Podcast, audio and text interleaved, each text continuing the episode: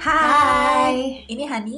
Ini Geges. Dalam podcast ini kita akan ngobrolin bagaimana kita bisa mengenal diri sendiri dengan lebih baik Dan bagaimana kita bisa membangun relasi yang lebih sehat dengan diri sendiri dan orang lain.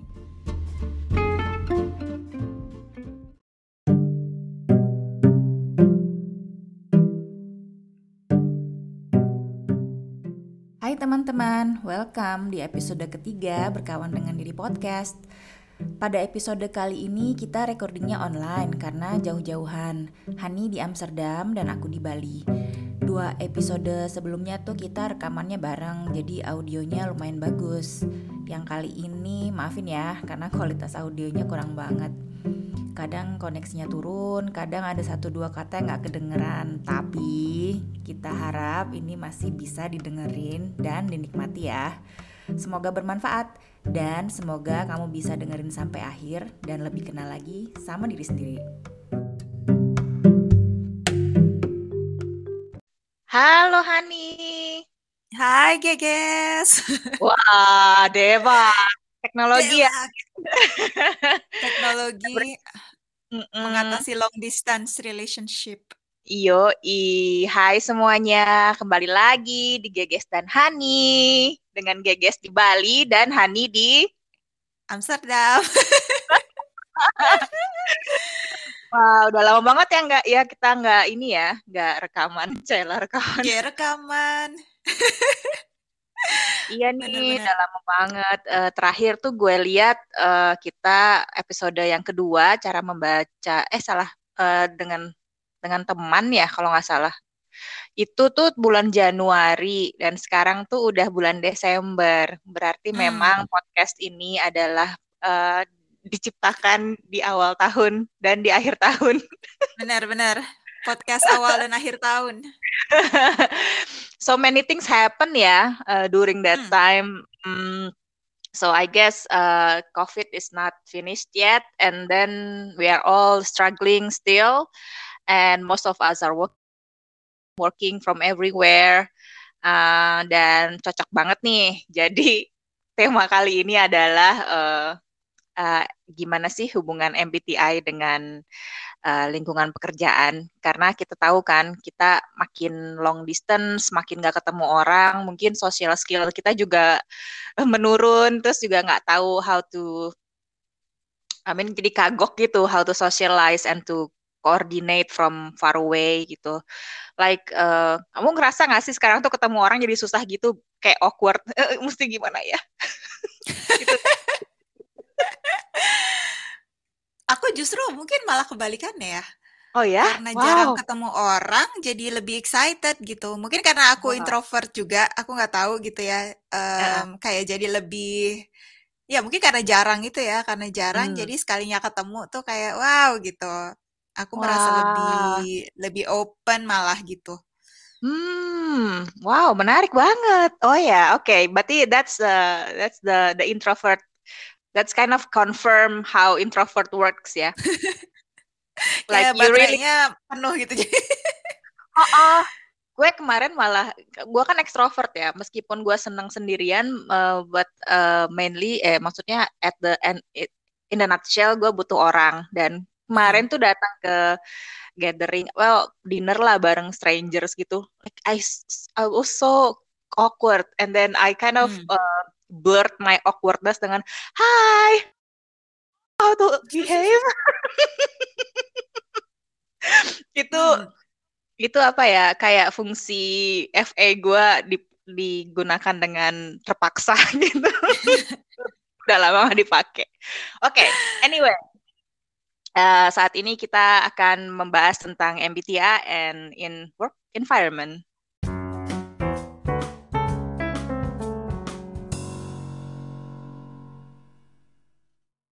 Oke nih, kita masuk ke gimana sih MBTI itu mungkin bisa membantu kita dalam navigating uh, our social skill or maybe how we kind of connect to people we work with and also connect with the work that we are working on.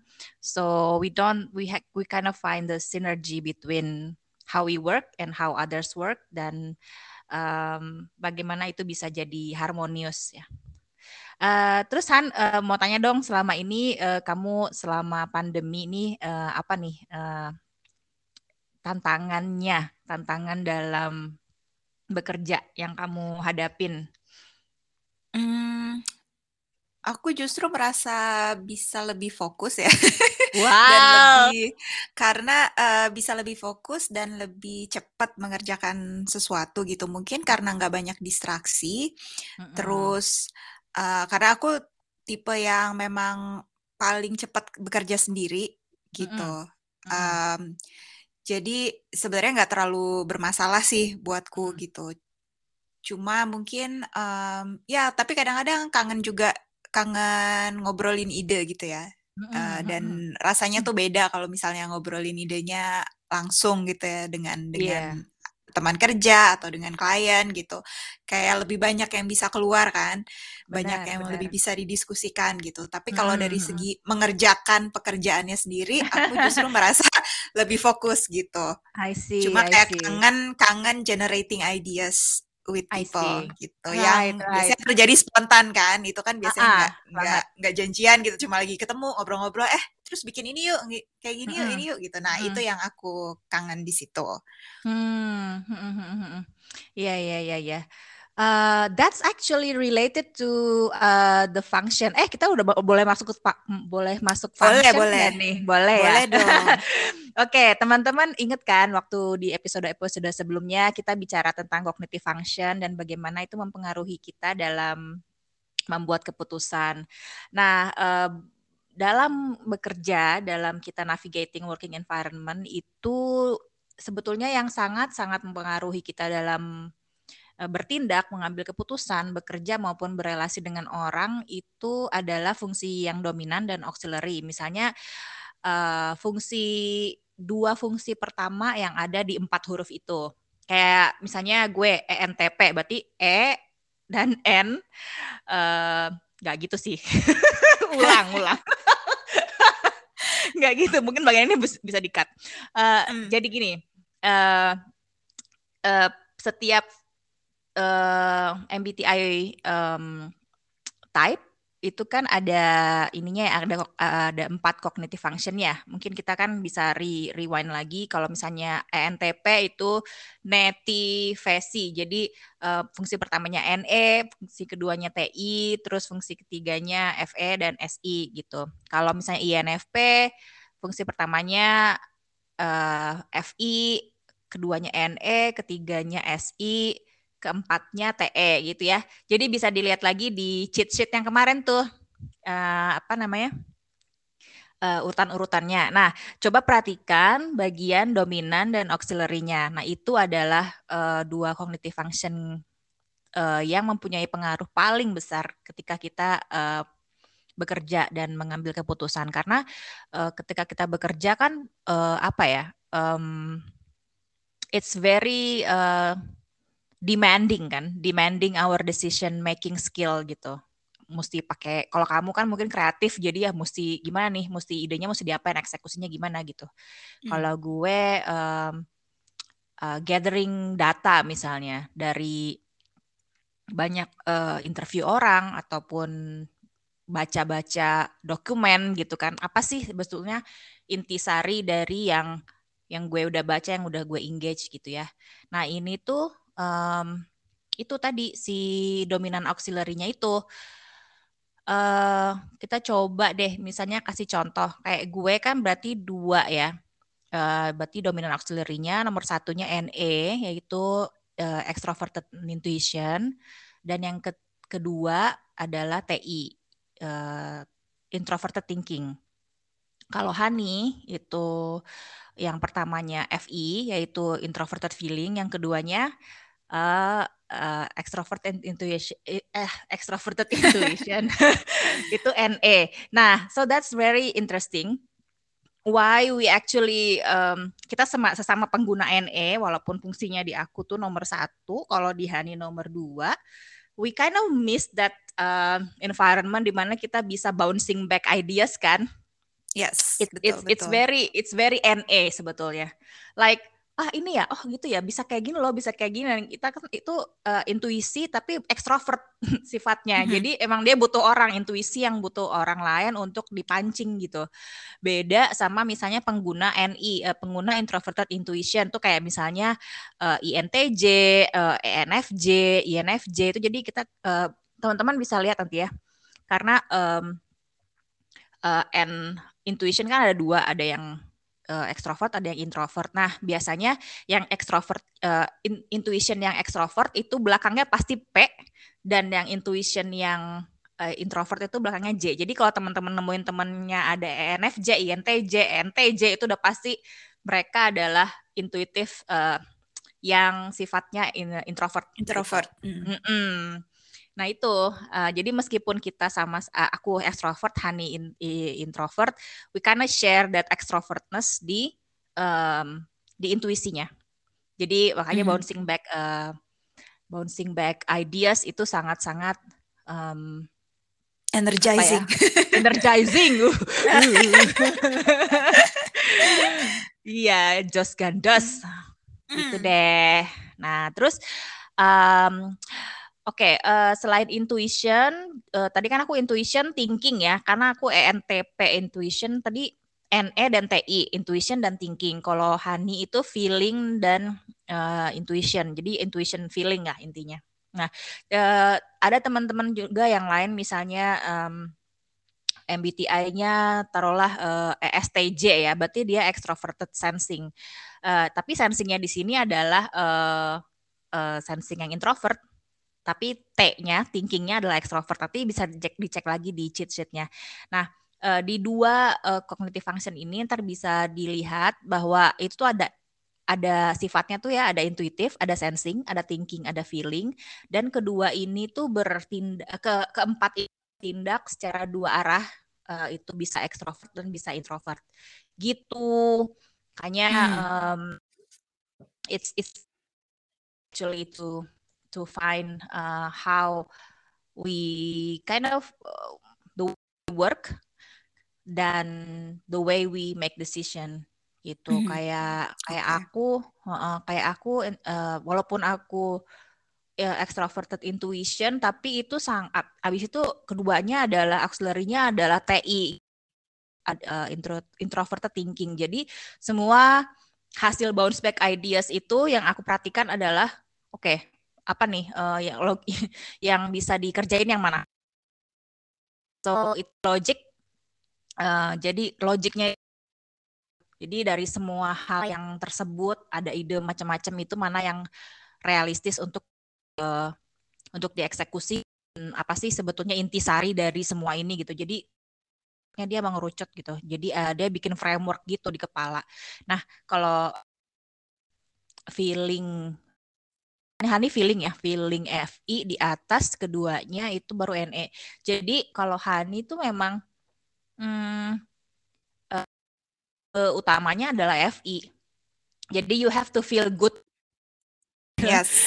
yes, ya kan. You have to feel mm -hmm. good first and then yeah you don't mind to bounce back ideas with others but then you have to feel. That's why um, yes, benar and you kind of thrive in the environment when you don't have that much distraction bisa mm-hmm. menyendiri dan akhirnya kerjanya cepet ke kelar ya gitu. Mm-hmm. Uh-huh. Tapi Han kemarin tuh juga kamu ada beberapa ini ya, ada beberapa kayak tantangan gitu kan, mm-hmm. uh, yang challenge yang kamu sering ini apa aja sih kemarin itu? Hadapi kalau, yang sering kamu, dihadapi. Uh, Um, menurutku sih salah satu uh, tentunya tadi ya kayak aku lebih lebih fokus itu sebenarnya bekerja sendirian gitu. Hmm. Kalau udah keramaian itu aku perlu tahu siapa ngerjain apa. Hmm. gitu loh supaya jelas yang jadi tanggung jawabku apa right, gitu right. jadi ada ada kebutuhan itu untuk tahu walaupun hmm. kita kerja grup gitu tapi yang yang bagianku tuh yang mana gitu itu tuh penting hmm. kalau misalnya nggak hmm. jelas siapa ngerjain apa tuh juga agak hmm, stres ya Kemudian hmm. um, micromanaging aku tuh paling nggak bisa kalau ada dikasih kerjaan tapi misalnya supervisornya tuh micromanaging gitu. Mm-hmm. Aku merasa kayak aku dikasih misalnya dikasih goal A gitu. Oke, okay, aku akan menuju ke sana dengan caraku gitu. tapi I jangan see. di gitu jangan tiap hari terus uh, ditanyain atau tiap hari direcokin tuh uh, kenapa nggak gini aja kenapa nggak gitu aja gitu. Terus ntar, ntar aku kesel nih gitu.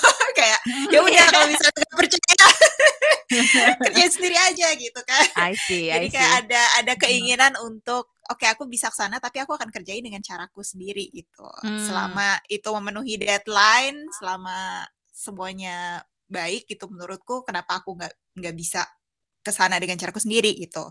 Hmm. Ada itu. Jadi kadang bermasalah kalau ketemu dengan tipe supervisor atau mungkin partner bekerja yang micromanaging gitu yang mau involve hmm. di setiap uh, tahap ini aku nggak tahu kira-kira tipe MBTI apa yang seperti ini apa kecenderungan hmm. ini hmm, hmm, kemudian um, ya pasti aku akan sangat suka berada di lingkungan yang yang kreatif di mana aku bisa sharing ideas atau hmm. bikin sesuatu gitu dan aku tuh nggak terlalu suka sebenarnya ngerjain hal-hal admin ya kayak misalnya kayak misalnya uh, bikin invoice kayak gitu-gitu bikin oh, kontrak oh, yeah. kayak gitu itu tuh hmm. aku aduh kayak lama lama sih gitu kalau bikin hmm. kayak gitu sebenarnya kalau udah dikerjain cepet cuma procrastinating gitu kayak aduh hmm. ntar aja deh ntar aja rasanya berat gitu. Iya, iya, iya. Uh, kerjain hal-hal semacam itu. Padahal yeah. kalau udah dikerjain mungkin gak selama itu juga.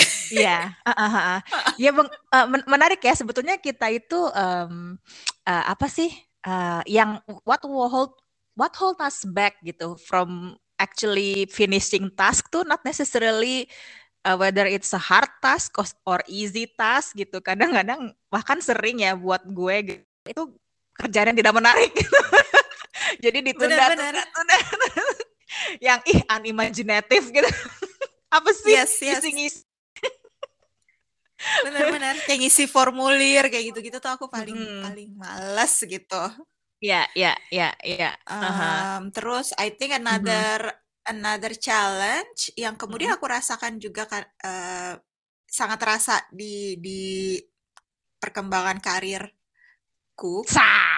uh, cah atau ketika aku memutuskan untuk untuk resign gitu ya ketika aku pikir-pikir lagi uh, aku tuh merasa emang paling tertariknya di oke okay, kita bouncing back ideas kita bikin apa terus kita implementasi uh-huh. gitu ya kelihatan hasilnya gitu. Nah sementara ketika semakin aku men meniti tangga karir semakin semakin naik gitu ya apalagi kayak pas uh, misalnya posisi direktur gitu, itu tuh aku merasa detach banget dari implementasi dan hal-hal hmm. perintilan yang kusuka justru gitu karena kan ketika hmm. di posisi itu kamu melihat perkembangan bisnis, uh, income expense gitu ya, financial hmm. planning, hmm. manage people gitu hmm. yang menurutku tapi aku tuh nggak nggak mau ke situ.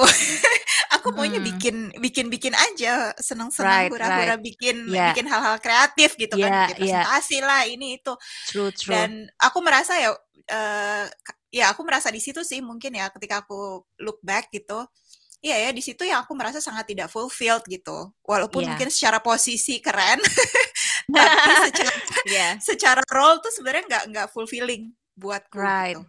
Right, right. Wow, sama hmm. sebenarnya Han. Jadi tuh uh, sekarang tuh lately like I kind of trying to uh, meniti karir ya ceritanya. Bukan hmm. meniti karir sih kayak uh, I kind of have different path every time frame of my life gitu. Kayak lima tahun lalu pekerjaan yang aku lakukan dengan sekarang tuh beda gitu. Dan setiap hmm, kayak setiap tahun tuh gue pasti sekolah gitu.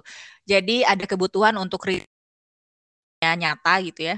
Dunia yang uh, it's too fast to too too fast to comprehend. Kayak hmm. otak gue tuh bisa melakukannya. Like I can do that. I can do coordinating all those things.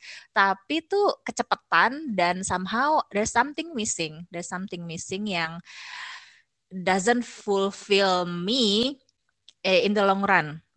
Gitu. Misalnya tuh kalau di aku tuh ini banget sih uh, aku kan suka ber ini ya suka ber uh, menu setiap, setiap hari adalah hmm, kesempatan untuk membuka layer demi layer kehidupan gitu. Mm-hmm. Jadi yes. kayak kayak bawang gitu kan. Wah, mm. lagi nih ya kayak ibaratnya tuh kayak uh, filosofer gitu, kayak Socrates. Apalagi nih ya yang baru dari hidup yang sebelumnya aku nggak tahu. Nah, ini yang aku kangen gitu bukan kangen ya ini yang actually really fulfill me at the very core gitu loh si hmm. si ini si si pencarian ini pencarian ini ya like aha now I can conclude this oke okay, think hmm. ada kayak satu semacam wisdom yang aku bisa kasih eh, bisa raup intisarinya dari pengalaman yang atau misalnya pekerjaan yang aku uh, lakukan gitu. Now I realize that maybe that's all uh, fulfillingnya tuh di di di fungsi kita yang nomor dua itu Han. Fungsimu hmm. nomor dua kan uh, extroverted intuition ya. Kamu suka sebenarnya yang bikin kamu fulfill adalah the bound the the ideas creating gitu uh, mm-hmm. beride gitu that's that's what you, what lead you up gitu sedangkan kalau di gue itu fungsi keduanya yaitu TI jadi introverted thinking jadi kayak I really have to find new way of uh, new way of uh, like wisdom eh bukan new way of wisdom mm. like new wisdom every day gitu what can I uh, grasp from this um, what can data. I learn gitu ya? what can I learn gitu itu kayak mm. craving banget gitu loh ketika pekerjaan itu tidak yang yang yang pekerjaan-pekerjaan yang bisa aku lakukan itu tidak memberikan sesuatu yang baru like uh, new new wisdom, new theory, new theory. That's exactly it. Hmm. New theory, new theory of life that yang gue bikin-bikin sendiri yang sebetulnya cuman oh mungkin begini ya gitu. Now hmm. I just found so, as as I as we talk sekarang ini juga gue juga menemukan oh ternyata Oh mungkin itu di posisi kedua uh, eh, MBTI apa fungsi kognitif nomor dua ya yang really uh, hmm. that's where where where our fulfillment lies I think hmm. kayak kayaknya atau mungkin bisa nggak kalau kita bilang bahwa hmm.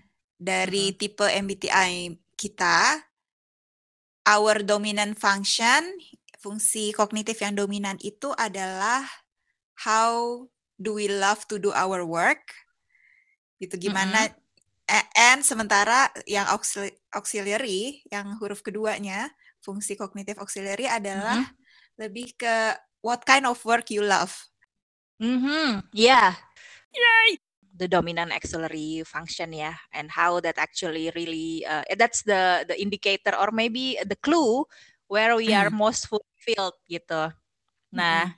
coba kita um, masuk Mungkin untuk teman-teman yang juga mau cek lagi MBTI-nya jangan lupa download cheat sheet ya, supaya benar. bisa lihat langsung. Di situ ada juga keterangan kan ya kayak dominan -huh. tuh dominannya fungsi dominannya seperti apa, fungsi auxiliary-nya uh seperti apa, terus bisa bisa lihat deh gitu kira-kira benar nggak apakah memang uh, dari fungsiku itu aku cenderung seperti ini atau cenderung uh seperti itu gitu. Jadi bisa uh lebih kenal juga sih gimana kita senang uh, cara kita bekerja seperti apa, mm-hmm. plus uh, jenis-jenis pekerjaan seperti apa atau proses uh, bekerja seperti apa yang juga menyenangkan buat kita gitu.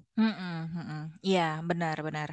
Nah, every uh, because every MBTI is uh, the way we work is different and how we like to do our work is different and and sometimes the way we work doesn't necessarily um, approve or maybe um, agreed gitu ya, uh, liked by other people, by our colleague gitu. Makanya uh, kita bicara soal tantangannya nih sekarang. Nah, kenapa sih uh, our way of working not necessarily the best uh, way of working in certain situation gitu dan dan kenapa itu kayaknya perlu di um, perlu dibantu lah. Maksudnya enggak uh, perlu disupport dengan fungsi lain yang sebetulnya uh, kuncinya adalah di fungsi ketiga kamu gitu.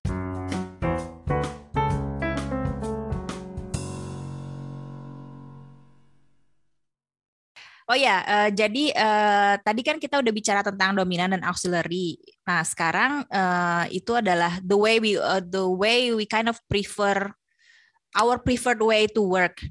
Nah, uh, sekarang kita jadi tahu bahwa ketika kita berhubungan dengan orang lain dan punya kolega dan punya klien ataupun punya tim gitu ya, our preferred work is not necessarily the the best way to engage with other people gitu loh. kadang ada orang yang irritated jadinya dengan kenapa sih uh, kok kayak gitu cara kerjanya? gitu. Terus kok kenapa sih kamu Hani nggak mau ditanyain tiap hari? gitu kan maybe in your in your point of view mm. is that mm. that's the actually the the best way you can work to deliver uh, tapi orang kan nggak ngerti ya hmm. kenapa sih nih orang rese banget cuma ditanyain doang uh, kok kayaknya it's a big deal gitu buat lo tanyain gimana ada sampai mana gitu mm. gitu kan uh, that's actually a, um, a disturbance ya jadi kayak nuisance gitu uh, that you kind of actually hinder you from being productive that and people hmm. might not actually know it gitu.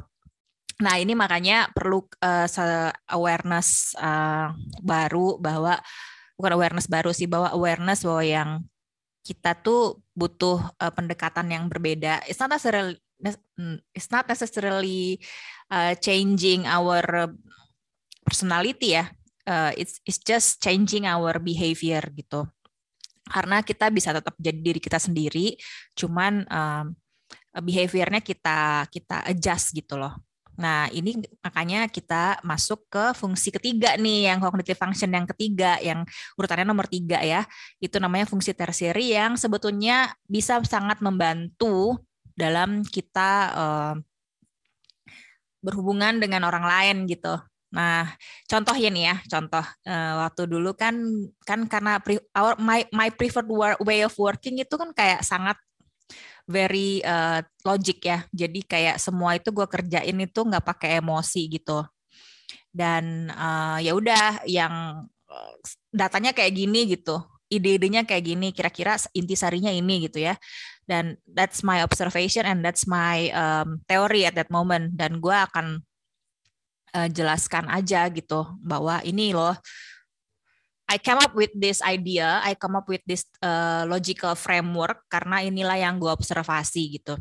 Nah kadang-kadang dulu gue sering sekarang sih udah berkurang ya, gue sering mendapat reaksi yang negatif gitu karena uh, my observation, my way of um, a logical framework itu enggak doesn't involve emotion, doesn't involve um, impact to other people gitu loh.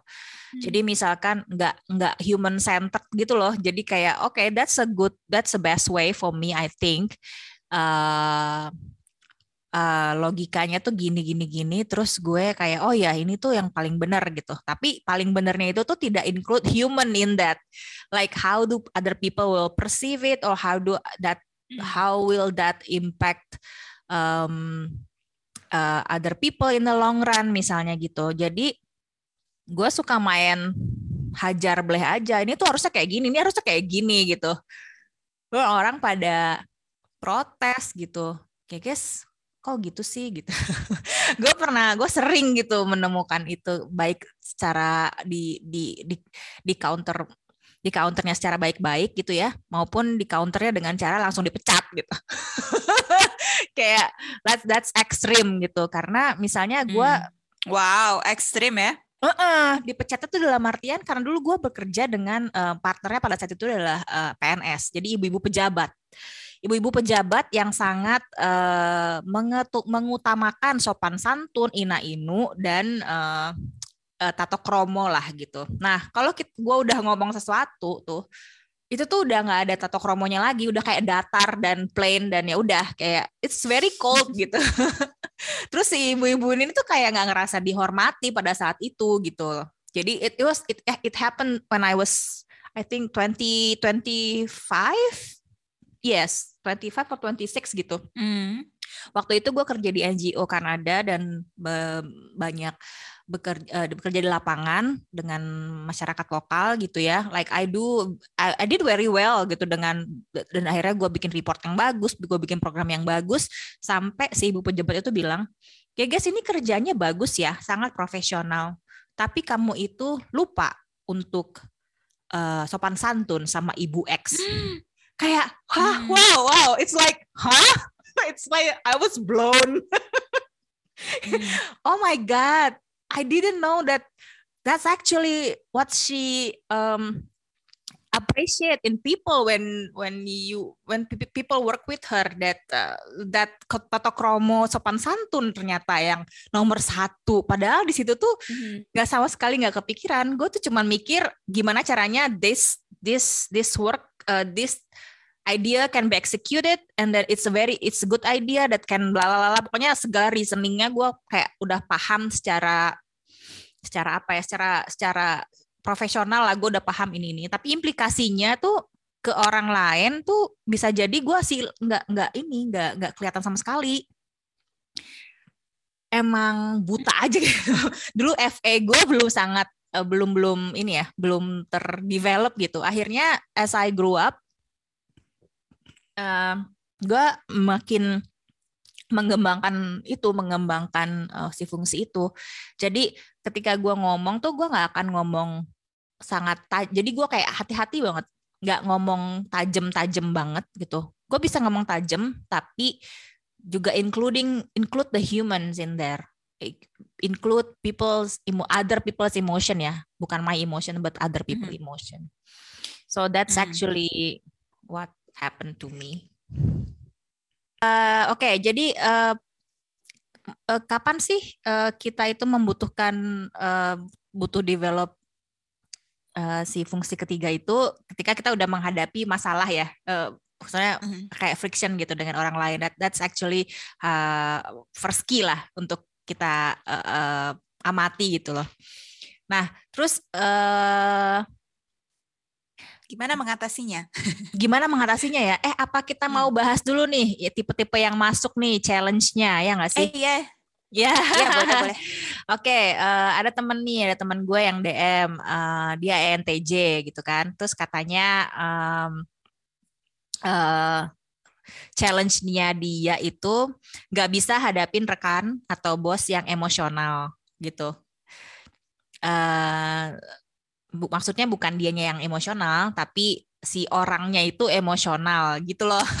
Jadi dia nggak bisa hmm. ngadepin hmm. orang yang kayak uh, kayaknya ngambil keputusannya tuh terlalu based on mood gitu ya ataupun dikit-dikit uh, manyun gitu atau misalnya happy setnya tuh langsung kayak ekstrim gitu loh yang emosi banget. Tipe-tipe NF atau SF biasanya yang kayak gini yang yang akan susah untuk ditolerir oleh ENTJ karena ENTJ ini uh, fungsi pertamanya itu TE, fungsi keduanya adalah NI dan it's very um, you know ente kayak gue gitu loh. Uh, jadi memang apalagi fungsi pertamanya itu TE ya extroverted thinking yang sangat execution execution gitu loh. Jadi nggak ada lagi kayak ruang untuk kontemplasi or whatever gitu loh. Tapi ya itu jadi akhirnya uh, kolega atau misalnya bos yang kalau misalnya ada yang emo uh, menunjukkan emosi gitu itu kan sangat terganggu. Karena di ENTJ itu mereka tidak terbiasa dengan itu. Dan lebih parahnya lagi si fungsi uh, feelingnya di ENTJ ini kan paling akhir, paling bawah dan itu FI. Jadi memang kalau udah paling bawah itu udah nggak udah agak susah sih. Jadi memang perlu lama ya sampai kita mak makin tua pun baru kita akhirnya kayak sadar uh, dengan sadar menggunakannya gitu loh. Kalau enggak tuh digunakannya tuh dengan we kind of push that away gitu loh. Karena that's kind of nuisance gitu loh untuk si si fungsi dominan dan auxiliary-nya ini gitu. Makanya that's very understandable kenapa ENTJ jadi susah gitu ngadepin orang yang emosional. Nah, terus dia juga suka teamwork tapi punya standar pribadi yang suka beda karena kompetitif exactly karena memang ENTJ itu kayak dia tuh kayak udah tahu gitu. Ini harusnya kayak gini gini gini gini gini. Terus orang tuh kayak lemot itu gimana ya maksudnya? Coba jelasin. Ah, nggak sabar deh. nah, itu uh, jadi standar pribadinya tuh beda gitu loh dengan dengan orang lain dan uh, they may not have the patience to actually explain that to other people gitu. Um, karena dia punya NI mereka tuh energinya apa kalau berpikir tuh sangat strategik ide-idenya sangat strategik gitu loh. It's very good. Dan dia bilang dia suka terlalu nice dan lama ambil keputusan karena banyak pertimbangan. Mungkin karena ini dia juga hmm. udah seumuran gue ya dia udah sadar gitu kayak kalau gue kayak gini mungkin nggak bisa cepet-cepet nih orang mungkin efeknya di orang jelek gitu. Jadi dia kayak lama gitu terus kayak trying to be nice gitu loh. Jadi uh, uh, so so people can can can relate gitu or to can understand uh, her point of view. Yang mana padahal uh, si idenya ini emang strategik gitu loh. Gitu. Emang ini khas ini banget sih khas uh, orang-orang dengan fungsi introverted intuition ya. They may not be able to explain how they come up with that strategic idea. Like it's very hard. Kayak itu tuh udah kayak nuj bukan nujum ya, kayak udah kayak gak dipikir gitu. Udah ada udah ada aja. Nggak tahu gimana caranya nyampe ke sana. They cannot explain it to the other people in the in the explainable way gitu loh. Udah cepet aja gitu Nah, terus uh, ini juga nih ada yang masuk ENFP karena sering dianggap katanya nggak serius dalam pekerjaan, terlalu dreamy, mudah berubah-ubah pikiran. Exactly. Hmm. Itu itu NE-nya sih yang uh, kerjanya terlalu heboh gitu. Jadi isinya the the extroverted intuition yang fungsinya ENFP yang pertama it's very active kayak dia akan oh ya maunya ina ino ina gitu. Oke okay, ide A bagus ya. Oke okay, gimana kalau ide B? Terus ide C gimana? Wah semuanya bagus idenya.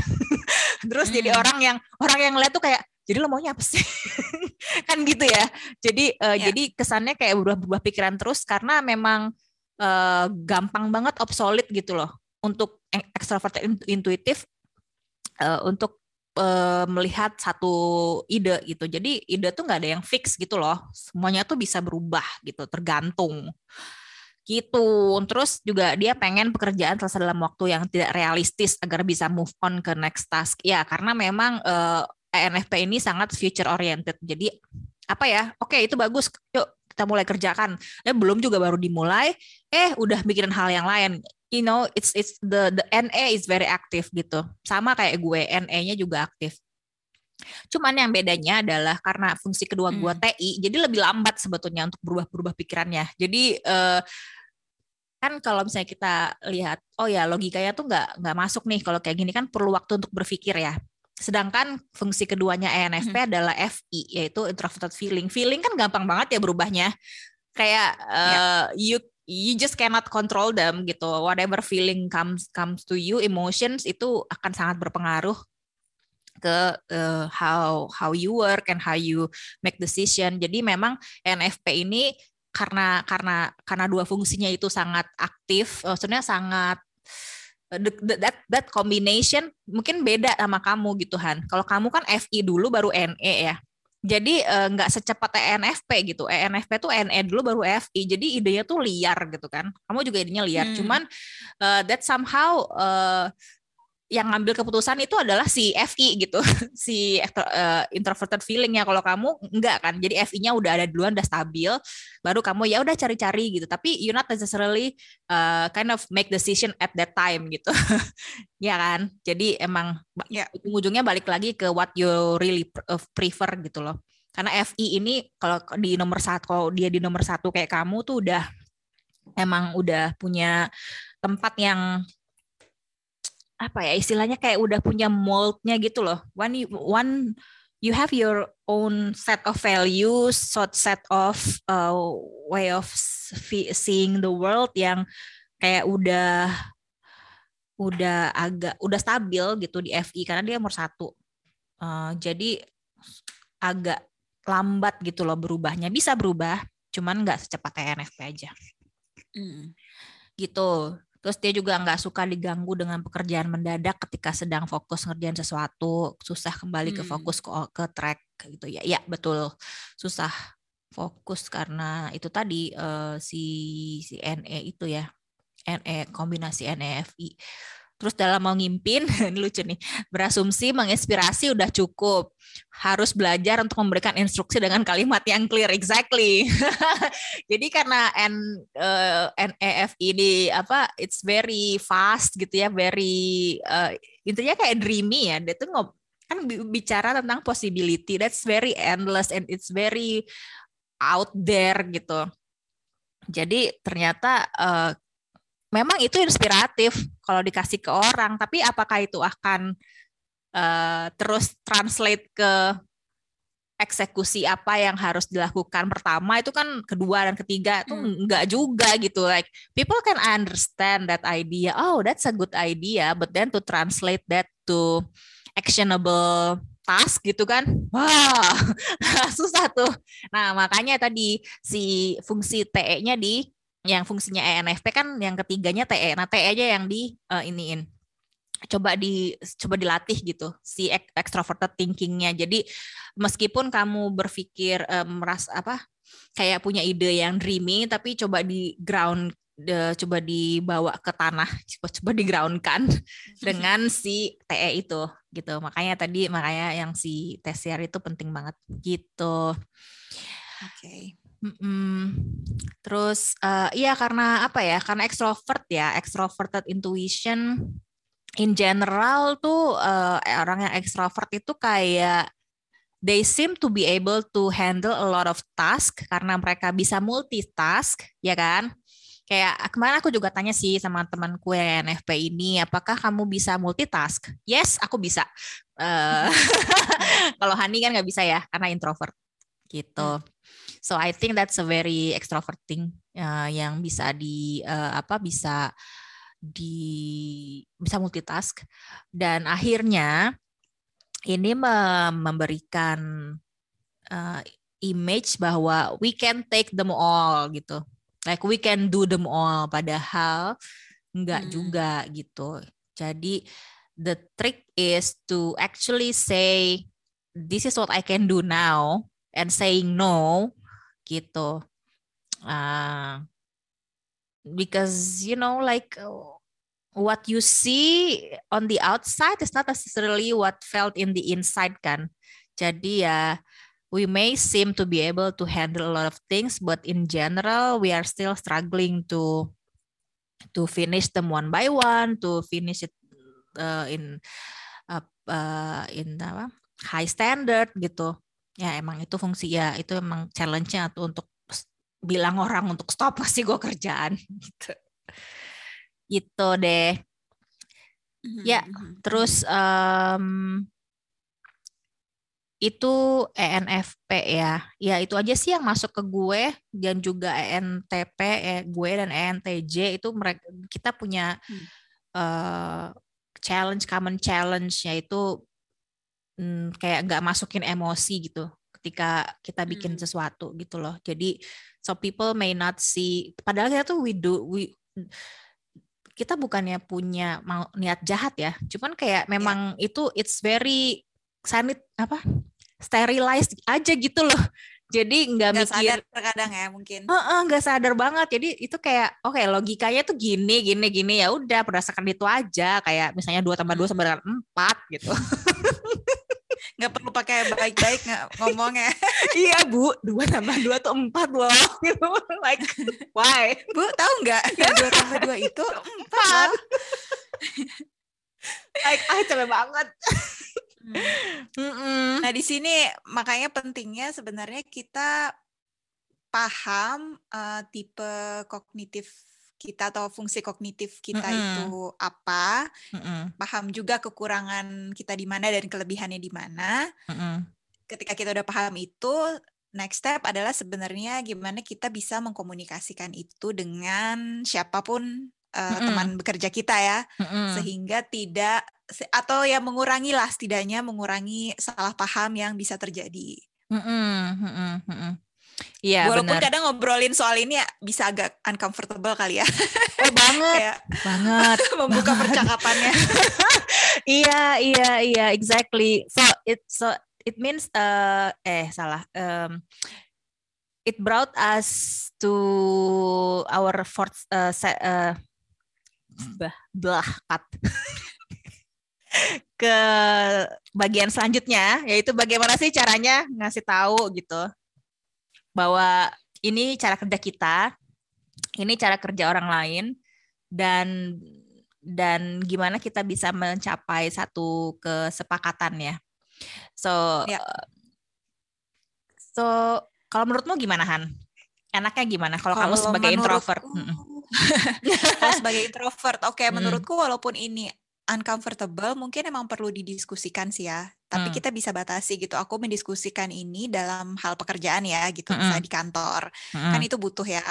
Misalnya kalau sebagai kalau kita yang jadi tim leader atau kita sesa- sama sesama rekan kerja terus kita punya project mungkin bisa dan mungkin kita baru kerja sama mereka pertama kali gitu ya masih belum belum kenal bagaimana pola bekerja mereka aku rasa bisa ngobrol sih kayak Mm-mm. eh kamu tuh biasanya kalau kerja enaknya gimana? gitu. Kalau aku mau follow up sama kamu tuh eh, lewat mana dan seberapa sering gitu kan. Terus eh, kamu tuh ya cara kerjamu biasanya seperti apa gitu. Aku rasa itu enggak ya itu bisa jadi conversation yang sangat sangat membantu sih.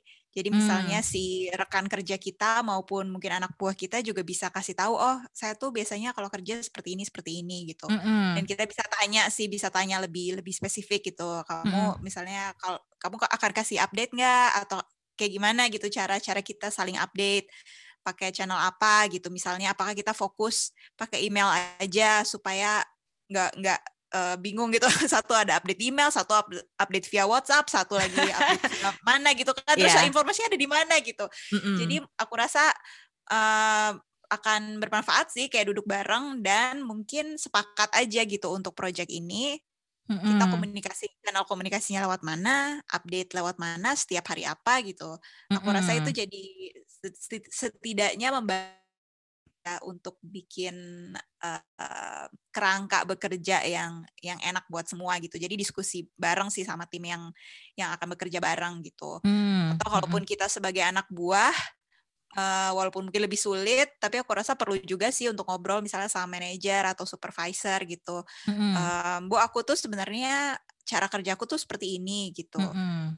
jadi sebenarnya aku suka kalau begini atau aku tuh bekerja dengan lebih produktif kalau seperti ini gitu Right, right. jadi Mhm. bisa seperti bisa seperti itu sih dan memang harus dikomunikasiin ya walaupun sulit karena kalau enggak eh, nanti jadi salah paham. Kemudian kita juga jadi stres bekerjanya Hmm. kan.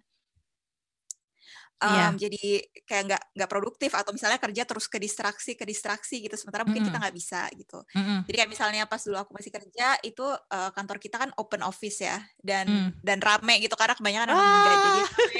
ada yang pasang musik lah apalah cerita-cerita ketawa-ketawa gitu and I love that environment gitu. Tapi kalau aku lagi butuh untuk bikin proposal aku tuh nggak bisa di situ karena kan Iya. rame ya. Iya. Jadi kita tuh dulu punya namanya kayak silent silent room. Jadi Mm-mm. aku bisa bilang gitu, oh, aku dari jam 2 sampai jam 3.30 tuh akan ada di silent room, aku ngerjain proposal, so don't don't bother me gitu.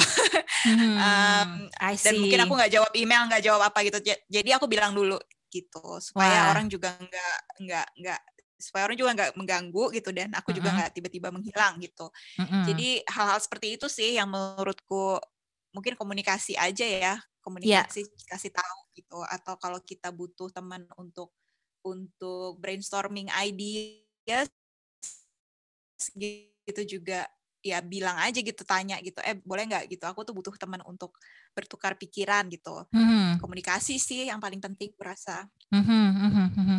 Iya, eh, komunikasi itu susah banget ya ternyata ya. Eh, mau mulainya tuh eh, so so many things holding us back loh dari mulai dari our insecurity, terus juga you know our assumption for for our assumption about ourselves and ab- about other people gitu, sampai kayak takut em, eh, apa takut eh, menerima feedback yang kita nggak siap gitu ya.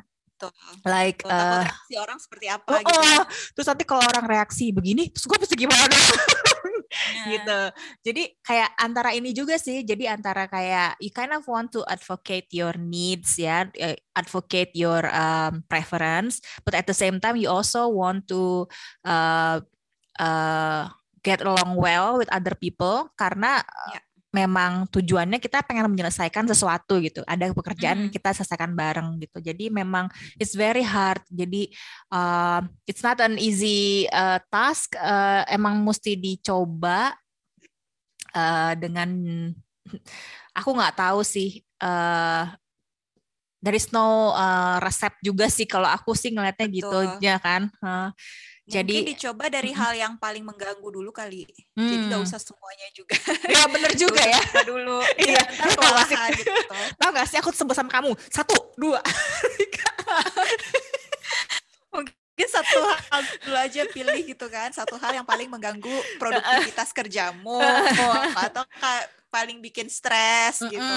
Oh iya, benar juga aja ya. dulu mungkin mm -mm. yang dicoba mm -mm. dikomunikasiin. Iya, yeah, iya. Yeah. Supaya nggak nggak uh, uh, supaya nggak kewalahan juga gitu. Jadi pilih satu, abis itu komunikasiin bagaimana yeah. kamu harapanmu gimana, mm-hmm. kamu tuh pendekatannya seperti apa, terus tanya mm-hmm. juga orang itu uh, atau rekan kerja kita harapan dia seperti apa gitu atau cara dia kerja biasanya seperti apa. Mm-hmm. Kemudian ya aku rasa emang perlu kompromi sih ya. Ya. Yeah.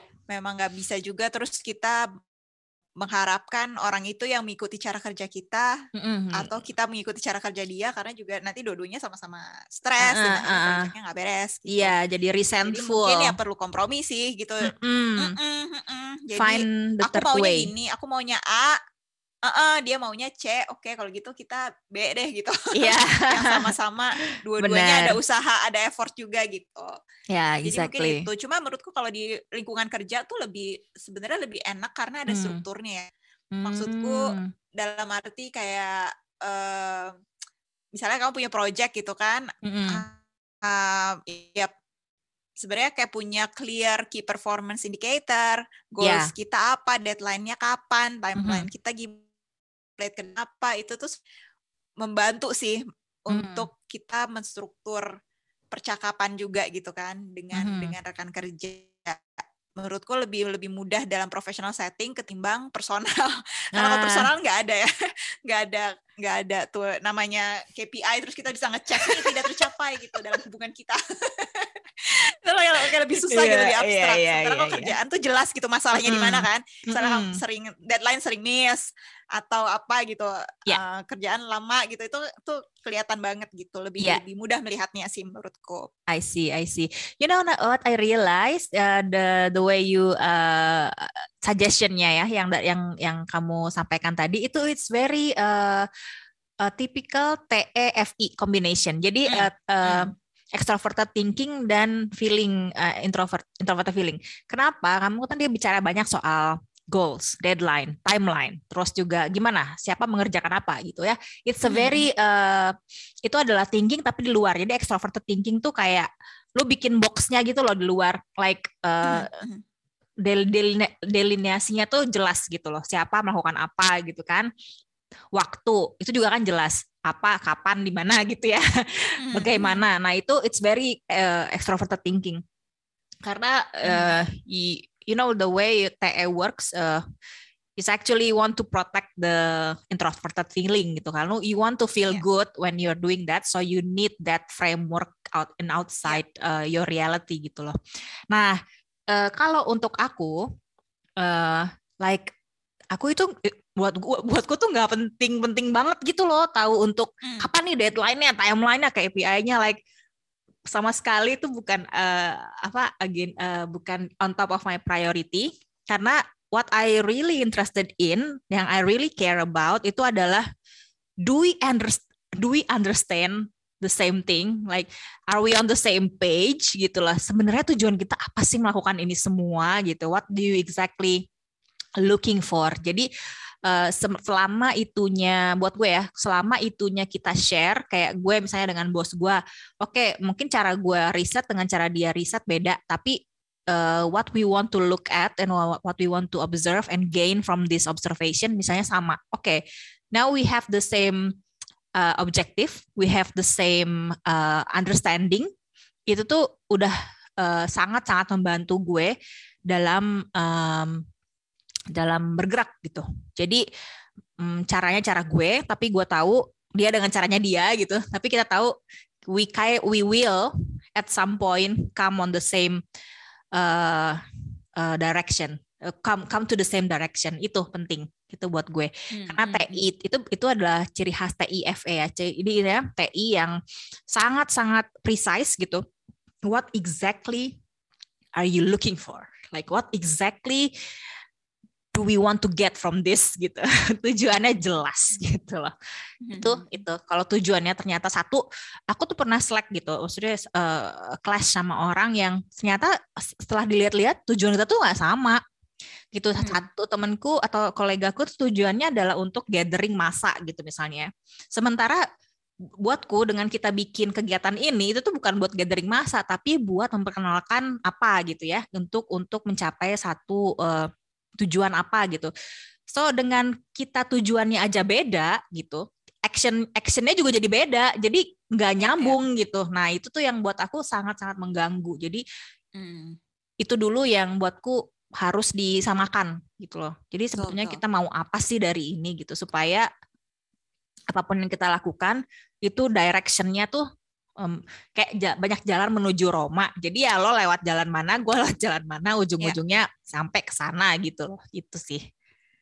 Yes, gitu. Yes. Iya mm -hmm. di situ sih, di situ kurasa uh, emang emang penting sih ya makanya uh, to have untuk duduk bareng and clarify gitu mm-hmm. set clear clear goals kita tuh mau ke mana tujuan kita ngapain mm-hmm. gitu kan terus kayak kita tuh what's our definition of success of this project mm -hmm. gitu mm -hmm. untuk basically menyamakan persepsi lah ya yeah. menyamakan persepsi semua orang dulu gitu supaya kita jelas mm -hmm. oke okay, kita mau ke mana tujuannya tujuannya mm -hmm. ke mana mm -hmm. terus kayak destinasinya di mana iya yeah, destinasinya habis itu baru uh, habis itu kayak baru kita bisa bisa bisa yuk kerja menuju ke sana gitu iya yeah, benar dan buat aku kadang uh, dulu sih pas pas aku masih bekerja karena ada tim gitu ya mm -hmm. kan ada tim uh, ini juga sebenarnya momen yang pas untuk kayak volunteering siapa yang mau ngerjain apa gitu.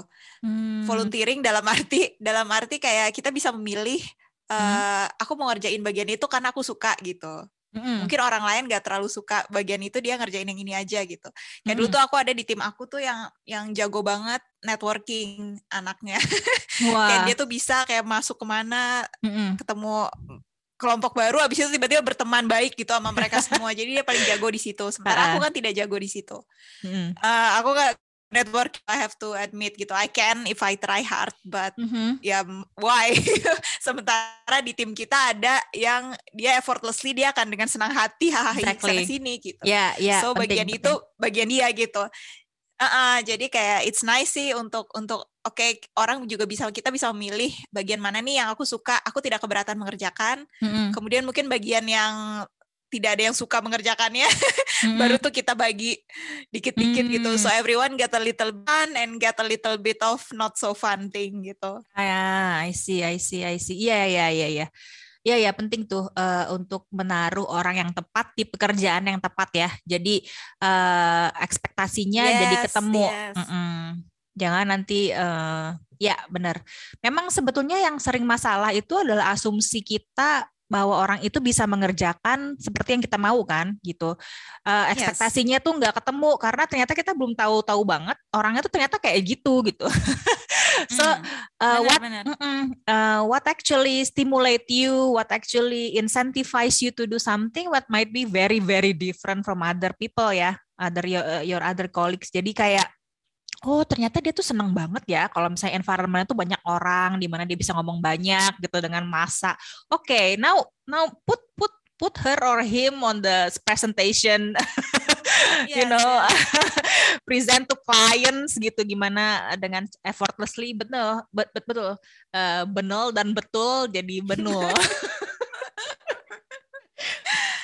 ya betul itu. Jadi dia uh, udah jadi istilahnya kayak apa energi tepat guna gitu ya. Jadi uh, uh, the right person on the right place gitu. Yeah, But yeah. you know uh, the the balik lagi ke kita ya jadinya soalnya sekarang tuh apalagi kayak zaman sosial media begini di mana setiap lo kerja apa kayak di share di Instagram gitu kayak zaman kita dulu enggak kan gitu like we care less gitu I think uh, in our generation uh, how we might look uh, to the mass gitu ya yang mana masa-masa ini maksudnya masa di online ya. Kita kayak bodoh amat gitu uh, at least buat gue. Kayak ya udah gue kerja aja gitu. Terus nanti share gitu. Tapi kan it doesn't necessarily define or uh, affect how I'm doing my things gitu. Kalau sekarang tuh yang gue lihat dari uh, apalagi Gen Z ya kayak sangat banget terpengaruh sama aduh temennya udah bikin ini nih bikin itu tuh. Terus lihat di Instagram gitu. Terus jadi kayak gue juga harus nih bikin gini bikin gitu. Terus jadi kayak um, kayak fasad tuh jadi kayak penting banget gitu loh.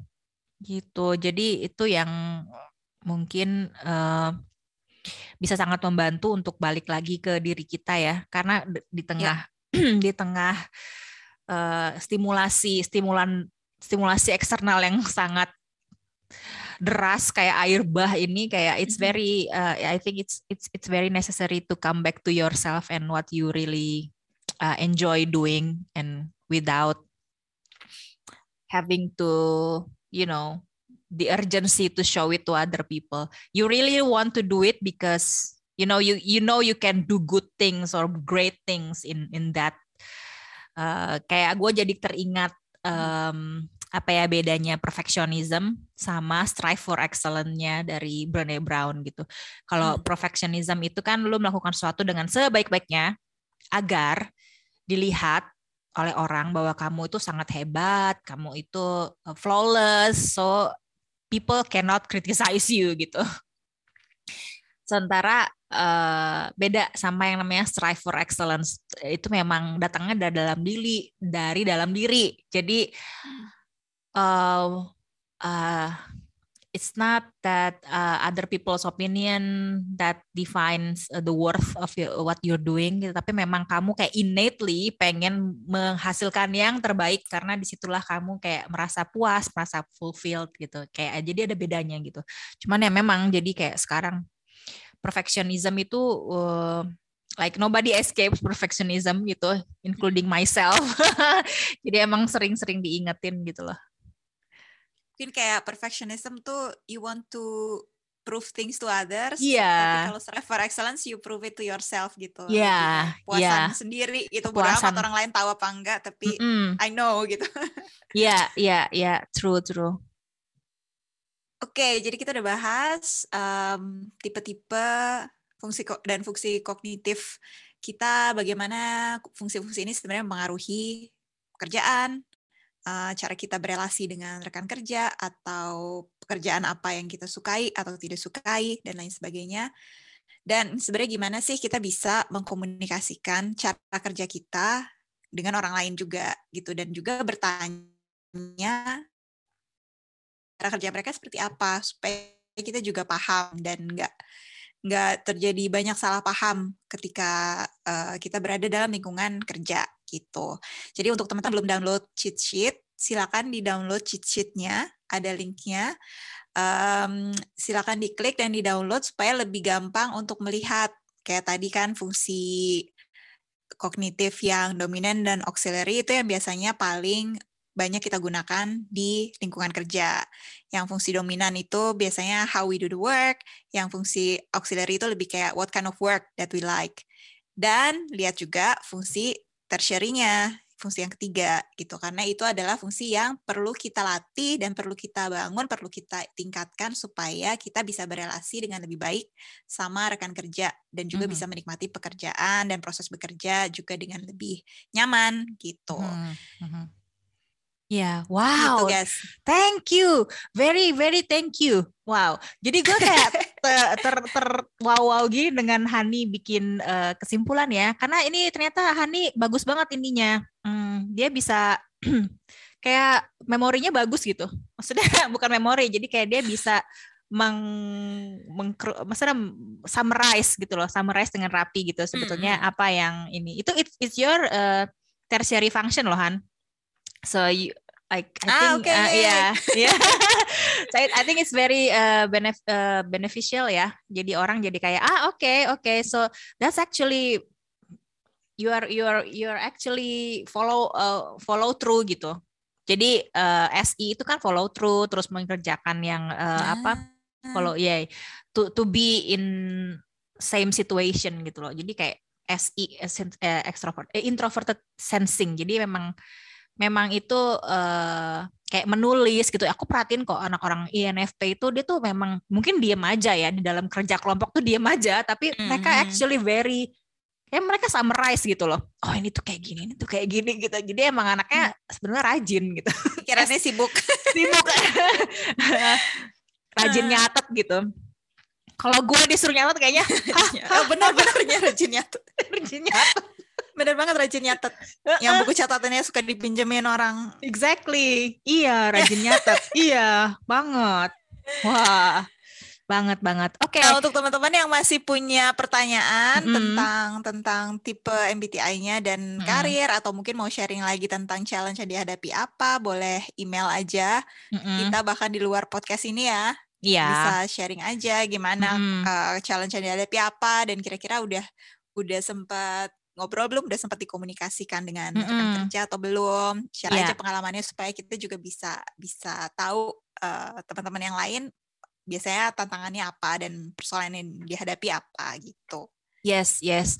Uh, to give uh, to give support for for our fellow um, uh, for our fellow no our friends or whoever who, who listen to this, let's uh, uh, be let's be a bit braver. mm. Kayaknya itu ya, a bit braver in um, step outside of your comfort zone a little bit gitu. Jangan gak usah banyak-banyak, gak usah ekstrim, dikit-dikit aja.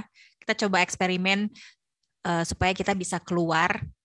Kita bisa kayak itu kayak risk uh, bisa bisa mengurai challenge uh, ke keruwetan kita ketika kita bekerja dengan orang gitu. Atau jadi uh, yuk kita sama-sama uh, menyemangati lah saling menyemangati bahwa kita kok uh, you got my permission to to say something to other people that uh, you don't feel like that bothers you. The the way they work or the way you work doesn't match uh, you have my permission to talk to to whoever you have problem with yes, yes, let's uh, make uh, the world braver place